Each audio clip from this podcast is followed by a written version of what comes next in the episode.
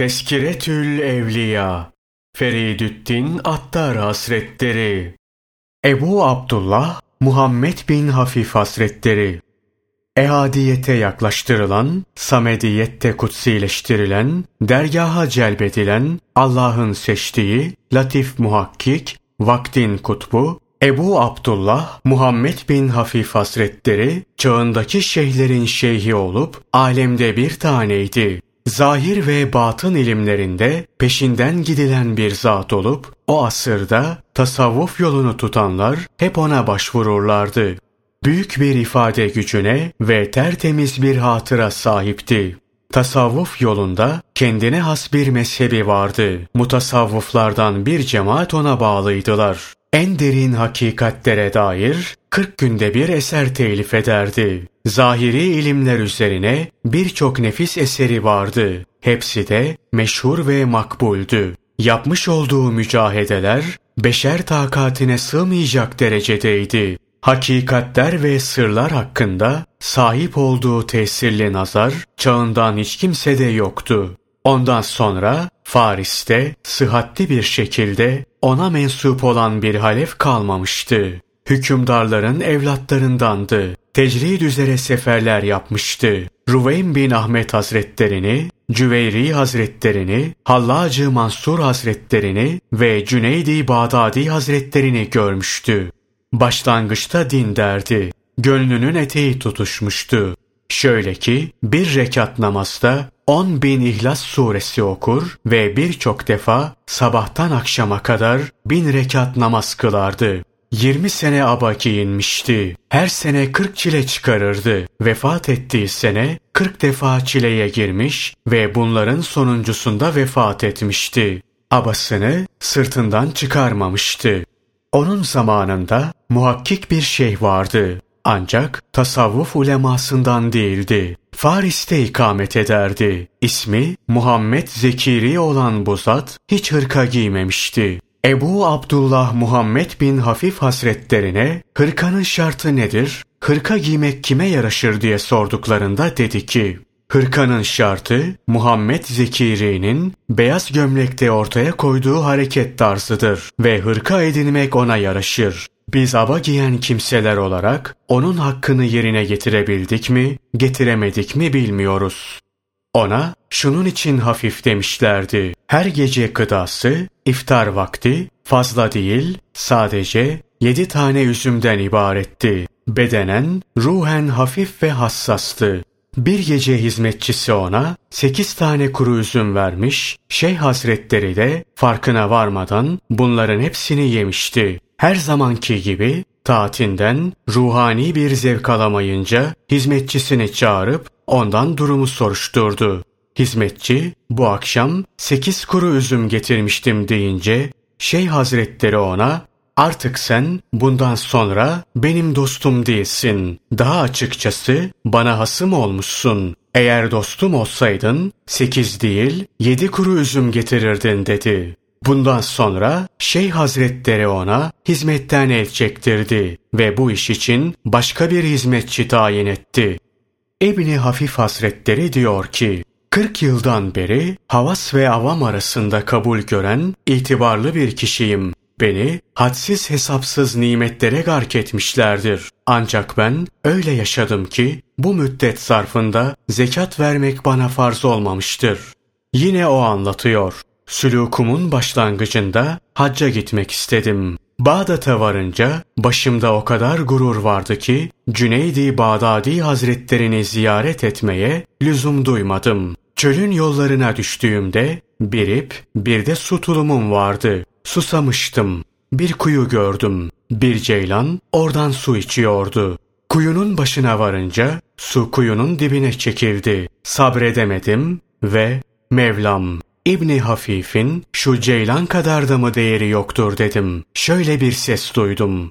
O ceylanın ipi ve su tulumu yoktu. Onun itimadı bizeydi. Buna sevindim. İpi ve tulumu kaldırıp attım, yoluma revan oldum. Derken, ey İbni Hafif, biz nasıl sabredeceksin diye seni tecrübe etmiş bulunuyoruz. Şimdi geri dön ve suyunu iç diye bir ses duydum. Geri döndüm, baktım, su kuyunun ağzına kadar yükselmiş. Abdest aldım, suyumu içtim ve yoluma koyuldum. Ta Medine'ye varana kadar hiç suya ihtiyaç duymadım. Geri dönüşümde Bağdat'a ulaşınca Cuma günü camiye gittim. Cüneydi Bağdadi Hazretlerinin gözü bana ilişti ve eğer sabretseydin su ayaklarının altından fışkıracak ve arkandan akacaktı dedi. İbni Hafif Hazretleri diyor ki, Gençliğimde dervişin biri yanıma gelmiş, üzerimde açlık eseri görünce evine davet etmişti. Önüme pişirilmiş ancak kokmuş bir et getirdi. Onu yemekten tiksinmiş ve zoruma gitmişti. O bir lokma alarak ağzıma koydu ama ben bu lokmayı yiyemedim. Derviş buna tenezzül etmediğimi görüp mahcup oldu. Ben de mahcup olmuştum. Kalktım, cemaatle sefere çıktım. Kadisiye'ye varınca yolumuzu kaybettik. Yanımızda da azık namına hiçbir şey kalmamıştı. Birkaç gün sabrettikten sonra açlık sebebiyle helak olma haliyle yüz yüze geldik. Nihayet öyle oldu ki yüksek fiyatta bir köpek alarak kızarttık. Bundan bana da bir lokma verdiler. Yemek istediğim zaman o derviş ve yemeği hatırıma geldi. Kendi kendime bu o gün o dervişin mahcup olmasına sebep oluşumun cezasıdır dedim. Derhal tövbe ettim. Geri döndüm ve o dervişten özür diledim.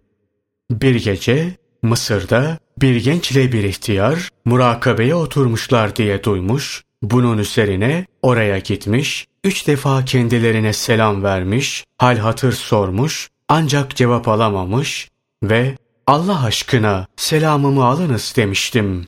Bunun üzerine genç başını kaldırdı ve ''Ey İbni Hafif, dünya az bir şeydir ve bu azdan da geriye az bir şey kalmıştır. Bu azdan çok nasip almaya bak. Ey İbni Hafif, selam vermek için nasıl boş zaman buldun dedi ve tekrar başını önüne eğdi. O sırada aç ve susuzdum. Ancak açlığımı da, susuzluğumu da unutmuştum. Bütün varlığımı onlara kaptırmıştım. Bekledim ve öğle namazımı onlarla beraber eda ettim. İkindi namazını da kıldım. Bana hitaben, ey İbni Hafif, biz felaket zedeyiz. Bizde nasihat edecek lisan olmaz. Felaket zedelere nasihat edecek, teselli verecek olan bir kimse lazım dedi. Hiçbir şey yemeden ve uyumadan orada üç gün bulundum. Kendi kendime bana nasihat etmelerini temin için nasıl bir yemin versem diye düşünüyordum. Genç yine başını kaldırarak dedi ki, Öyle bir kimsenin sohbetine talip ol ki onu görmek sana Hak Teâlâ'yı hatırlatsın. Heybeti gönlüne düşsün. Kal diliyle değil, hal diliyle öğüt versin. Bir kere Rum diyarında bulunuyordum. Bir gün sahraya çıktım. Hayalet gibi bir rahibi getirip yaktılar. Külünü körlerin gözlerine koydular. Yüce Allah'ın kudretiyle hepsi de görür hale geldi. Külü yiyen hastalarda şifa buldular. Batıl üzere olmalarına rağmen bu ne hal böyle diye şaşırmıştım. Rüyamda gördüğüm Resul-i Ekrem sallallahu aleyhi ve selleme Ya Resulallah bu ne hal dedim. Buyurdu ki bu batıl üzere olmasına rağmen sıtkın ve riyazetin eseridir. Bir de hak üzere bulunsaydı nasıl olurdu? Şöyle dediği nakledilir. Bir gece rüyamda Hazreti Peygamber sallallahu aleyhi ve sellemin geldiğini gördüm. Beni uyandırdı. Kendisine bakınca buyurdu ki, her kim Allah Celle Celaluhu'ya giden yolu öğrenir ve bu yola sülûk eder de ondan sonra sülûkundan vazgeçerse Allah Teala onu alemde hiç kimseyi azap etmediği bir şekilde cezalandırır. Naklederler ki Resulullah sallallahu aleyhi ve sellem ayaktaki iki parmağın ucunda durarak namaz kılmıştı. İbni Hafif Hazretleri hayatında hiçbir sünneti kaçırmamış olan biriydi. Bu şekilde iki rekat namaz kılmak istedi. Bir rekat kılınca ikincisini eda edemedi. Rüyada mihraptan geldiğini gördüğü Hazreti Peygamber sallallahu aleyhi ve sellem kendisine dedi ki bu namaz bana hastır. Sen bunu kılma. Naklederler ki şeyhin iki müridi vardı. Birine Ahmet İke, öbürüne Ahmet-i Meh derlerdi. Şeyh Hazretleri daha ziyade Ahmet İke'ye meylederdi. Sohbetine katılanlar bu hali kıskanmışlardı. Yani Ahmet-i Meh de iş görmüş ve riyazet yapmıştır demek istemişlerdi. Durum şeyhe malum oldu. Ahmet İke'nin daha iyi olduğunu onlara göstermek istedi. Hankahın kapısı önünde uyuyan bir deve vardı. Şeyh Hazretleri ya Ahmet-i Mehdi'ye seslenince Ahmet-i Meh buyur dedi. Şeyh Hazretleri şu deveyi hankahın damına çıkar. Ya şeyh deve dama nasıl çıkarılabilir? Şeyh Hazretleri o halde bırak kalsın dedikten sonra tekrar seslendi. Ya Ahmet Keh buyur şu deveyi dama çıkar. Bunun üzerine Ahmet İke derhal gayet kuşağını beline sararak paçaları sıvadı. Dışarı koştu, ellerini devenin altına sokarak yekindi ve zorlandı. Ancak deveyi yerinden kıpırdatamadı. Bunu gören şey hasretleri, ''Ya Ahmet İke, iş tamam, hal malum olmuştur.'' dedi ve sonra sohbetine katılanlara dönerek şöyle dedi. Ahmet İke ondan daha iyi hareket etti. Verilen emre sarıldı. İtiraz etmeden ve bu iş yapılabilir mi, yapılamaz mı demeden fermanımıza baktı. Ahmet İmeh ise uzun uzadıya deliller getirmekle meşgul oldu ve münakaşaya tutuştu. Zahir halden batın mütalaa edilebilir. Naklederler ki bir gün şeyhe bir misafir geldi. Sırtındaki hırkada, başındaki serpuş da siyahtı. Misafirin karalar giymesini şeyh içinden kıskanmıştı. Yolcu iki rekat namaz kılıp selam verdikten sonra şeyh hazretleri dostum niçin siyah elbise giydin diye sordu. İlahım öldürülmüştür de ondan dedi. Hevasını ilah edinen kişiyi görmedin mi ayetine işaret ederek nefsim ve hevam ölmüştür. Onun için yas tutuyorum demek istedi. Şeyh Hazretleri bu herifi kapıdan dışarı atınız dedi. Adam hakaretlerle dışarıya atıldı. Sonra Şeyh Hazretleri onu içeri alınız buyurdu. Adam içeri alındı. Bu hareket tam 40 defa tekrar edildikten sonra adamın nefsine uyarak yakışıksız bir şey yapmadığını gören şeyh kalktı, misafirin başına bir buse kondurdu. Özür diledi ve dedi ki, siyah giymek sana yaraşır. Zira 40 defa horlanıp hakaret gördüğün halde hiç değişmedin. Naklederler ki bir kere iki sufi uzak bir yerden onu ziyarete gelmişlerdi. Şeyhi hankahta bulamayınca nerede diye sordular. Adudüt devlenin sarayına gitti cevabını alınca sultanların sarayında şeyhin ne işi var? Yazık ki şey hakkındaki kanaatimiz çok fazlaydı dedikten sonra şehri şöyle bir dolaşalım diye düşündüler, pazara vardılar. Yırtık elbiselerini diktirmek için bir terzi dükkanına girdiler. O esnada terzi makasını yitirdi. Onlara bunu siz aldınız dedi. Sonra zabıtaya teslim ederek Adudut devlenin sarayına gönderdi. Adudut devle bunların elini kesiniz diye emir verince orada hazır olan Şeyh İbni Hafif Hasretleri sabrediniz. Zira bu işi bunlar yapmamıştır dedi. Onları kurtardı. Sonra sufilere ey civan mertler sizin o kanaatiniz doğrudur.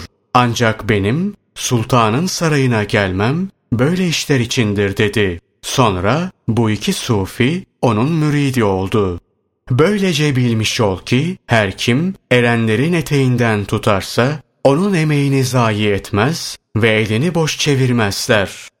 Naklederler ki bir kere Şeyh Hazretlerine ishale yakalanmış biri misafir olmuştu. O gece şeyh durmadan adamın lazımlığını kendi eliyle getirdi, götürdü ve hiç uyumadı. Sabaha karşı bir ara gözlerini kapadı. Ancak misafir, neredesin? Allah'ın laneti üzerine olsun diye bağırdı.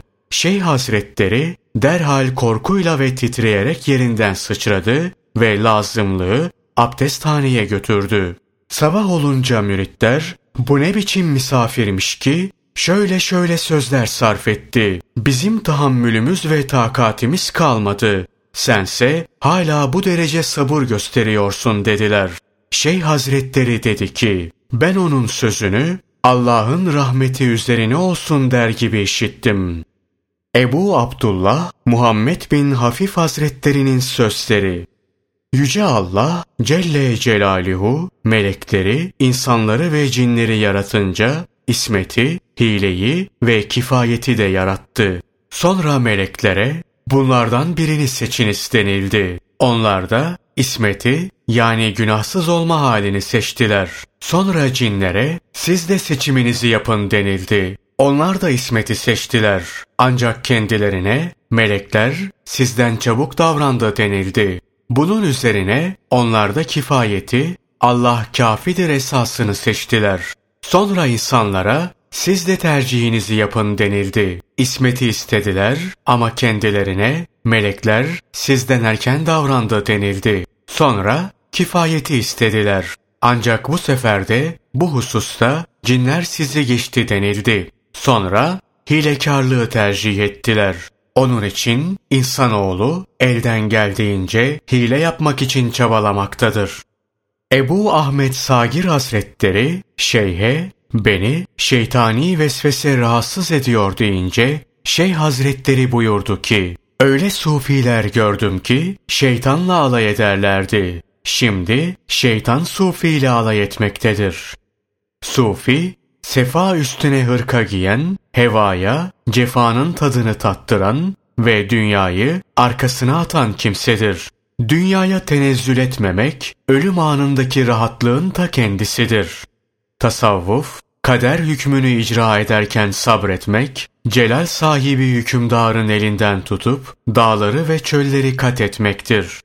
Rıza iki kısımdır. Onunla rıza, ondan rıza. Onunla olan rıza tedbirde olur. Tedbirin ona olduğuna razı olmak manasına gelir. Ondan rıza kazasına, kaderine ve hükmüne razı olmaktır. İman, keşif yoluyla gaybten kalbe gelen şeyi kalbin tasdik etmesidir. Hakkın gaybten bildirdiğini kalbin tasdik etmesidir. Hakiki irade ve müritlik, çabanın sürdürülüp rahatın terk edilmesidir. Vuslat, her şeyden sevgiliye bağlantı kurup, Hak Teâlâ müstesna her şeyi terk etmektir. İnbisat, ferahlık, niyaz esnasında heybet ve ihtişamın ortadan kalkmasıdır. Takva, seni Allah Teala'dan uzaklaştıran her şeyden uzaklaşmandır. Riyazet, nefsi hizmetle kırıp, hizmette gevşeklik göstermesine engel olmaktır.